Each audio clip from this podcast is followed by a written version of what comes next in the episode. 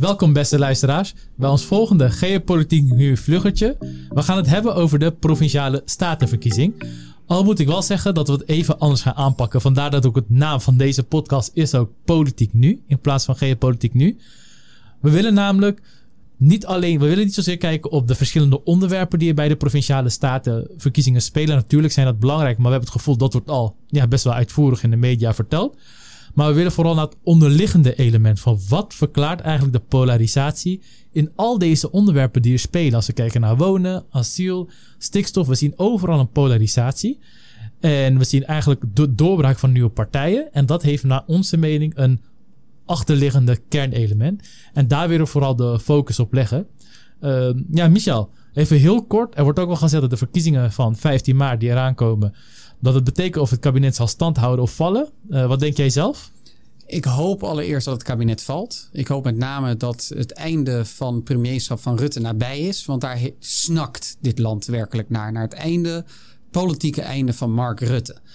Uh, ik denk eigenlijk dat de vraag voor de provinciale statenverkiezing als volgt luidt. Gaan de gevestigde zes, bestaande uit de VVD, D66, de ChristenUnie, uh, CDA, GroenLinks en de Partij van de Arbeid samen 38 zetels of meer behalen in de Eerste Kamer.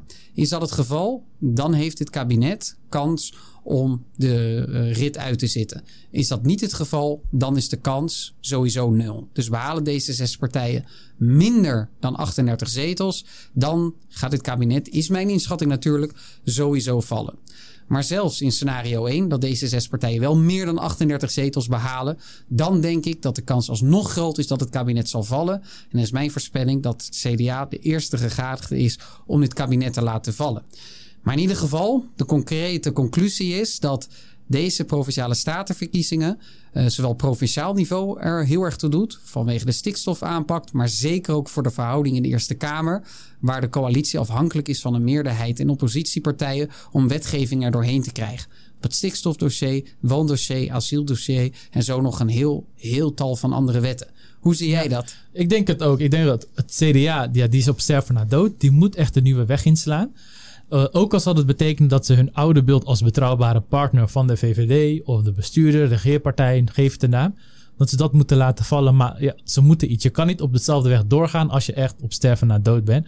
En vooral niet met een concurrent als de BBB. En dat is niet een lichte concurrent, dat is een zware, ja, een zware concurrent die je zeer zeker moet nemen. Ja, al deze nieuwe partijen die opkomen, die de PVV, BBB, Partij voor de Dieren, SPA 21. Overigens, wij weten zelf ook wel dat de PVV relatief al een aantal jaren bestaat. Maar vergeleken met de andere partijen zijn dit de relatief nieuwe partijen die een doorbraak kunnen voorzieren. Hebben één gemeen. Uh, en ze vinden allemaal dat Rutte weg moet, de premier. Hoe komt het eigenlijk? Want het zijn linkse centrales, BBB, en wat rechtse partijen, ja, 21 PVV.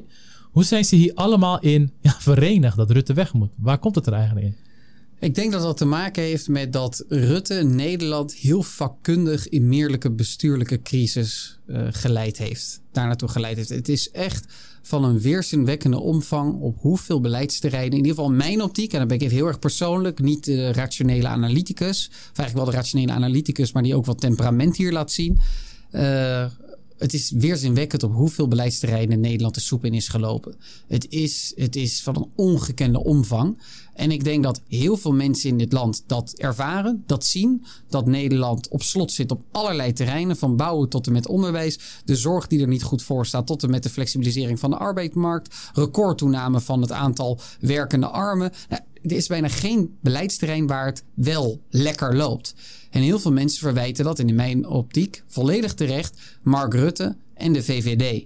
En ik denk dat dat uh, uh, een van de redenen is dat er zoveel andere partijen in opkomst zijn gekomen. Natuurlijk naast de bredere tendens die je al decennia lang ziet in Nederland en ook in andere landen. Van individualisering, emancipatie uh, van andere partijen. En dat eigenlijk heel weinig mensen ook meer de opofferingsgezindheid hebben om belangen oordelen, wensen op te offeren voor een grotere groep. Dus dat is natuurlijk de bredere tendens waarbinnen sowieso die grotere gevestigde orde afgeschaald zou worden.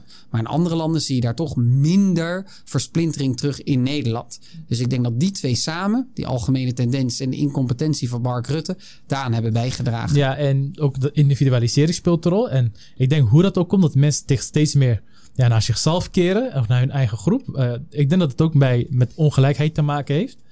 Uh, maar ja, het, inderdaad, vele uh, ja, verwijten het Rutte dat hij ons van crisis naar crisis brengt. Vanwege zijn ja, bestuursmanagement en dat hij heel richt op prestatiemanagement, dus op efficiëntie en vooral het besparen van geld. daar gaan we in de uitvoerige podcast heel ja, uitvoerig op in, dus luister het vooral. Ja, dan vooral met name dat mm -hmm. eigenlijk wij sinds de jaren 80 maar 90 eigenlijk gestopt zijn met denken. En het vooral hebben over hoe wij de ideeën die in de jaren 50, 60, 70 bedacht zijn, betaalbaar kunnen houden.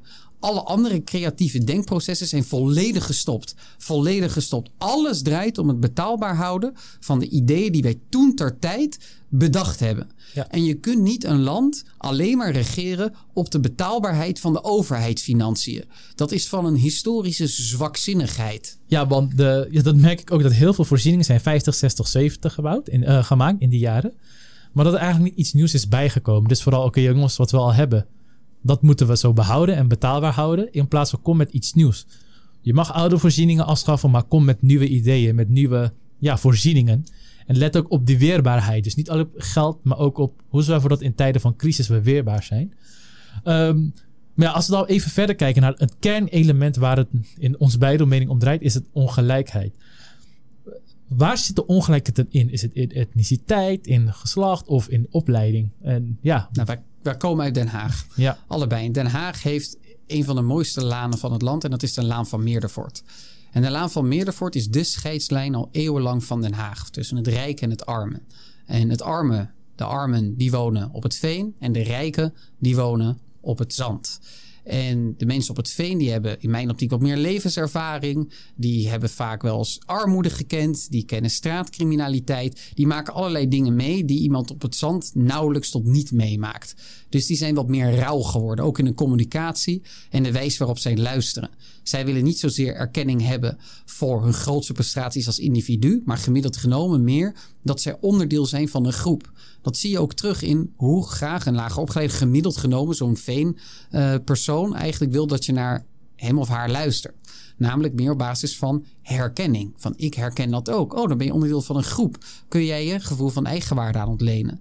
Bij een zandautochtoon, die dus op het zand woont, zie je eigenlijk iets anders terug. Want dat is iemand die een van geboorte tot graf geplaveide weg bewandelt. Maak er even een karikatuur mhm. van, daar ben ik me van bewust. En die op zijn 18e, 19e voor de grootste keuze uit zijn leven gesteld zien. Namelijk na zes, zeven jaar op het Haganum of op een andere middelbare school een gymnasiumdiploma uh, bij elkaar bijgelest hebben. Dan in één keer voor de keuze staat: bij welke studentenvereniging ga ik? Nou, als je 18, 19 bent en het is je sinds je vijfde een doorn in het oog dat je slechts zes keer per jaar op vakantie gaat. En je voelt echt tot in het diepste van jouw vezels dat de belastingen omlaag moeten. Dan stem je natuurlijk de VVD, VVD. en dan is Minerva jouw clubje. Ben je eigenlijk altijd een tabula rasa geweest en laat jij je ook de komende jaren met grote graagte inkleuren door een nieuwe hype, dan stem je D66 en ga je bij Augustinus. En heb jij altijd een bepaalde armoede gecultiveerd en voel jij jezelf heel erg uniek en alternatief, dan ga je met duizend anderen bij Catena en dan stem je GroenLinks. Dat is een beetje de, de, de samenvatting van. En natuurlijk, ik heb er een enorme mhm. karikatuur van gemaakt. Maar zit een kern van. Elke karikatuur. Ja, ik, ik, zeg het vooral ook een beetje als geintje. Maar dat is een beetje de karikatuur, de smaken van de zandautochtoon op het zand wonend en breder in Nederland in de rijkere wijken. En daar uh, moeten we eigenlijk constateren dat het openbaar bestuur vooral hun leefwereld, hun wereldbeeld centraal heeft gesteld jarenlang in het beleid. Of het nu ging om Europeanisering, of het nu ging om bepaalde bestuurlijke vernieuwingen, of het nu ging over de flexibilisering van de arbeidsmarkt, tot en met de zorg inrichten, prestatieindicatoren loslaten op de publieke sector. Het kwam heel vaak vanuit deze partijen. En ik denk ook dat het CDA en de Partij van de Arbeid, de andere twee grote uh, bestuurspartijen, zich hier heel erg naar geschikt hebben. Waardoor hun traditionele achterban, die veel diverser was wat dat betreft, zich heeft afgescheiden van deze partijen. En dat eigenlijk van daaruit ook de fusie tussen GroenLinks en de Partij van de Arbeid te verklaren is, die ik ten zeerste, ten zeerste veracht en eigenlijk veroordeel. De Partij van de Arbeid, en dan maak ik het even persoonlijk, zou op moeten staan voor de mensen uit de onderklasse van het land. En slechts in beperkte mate is GroenLinks daartoe in staat. Als ik het even concreet mag maken, mijn, mijn eigen familie die komt uit de lage klasse, die van jou trouwens ook.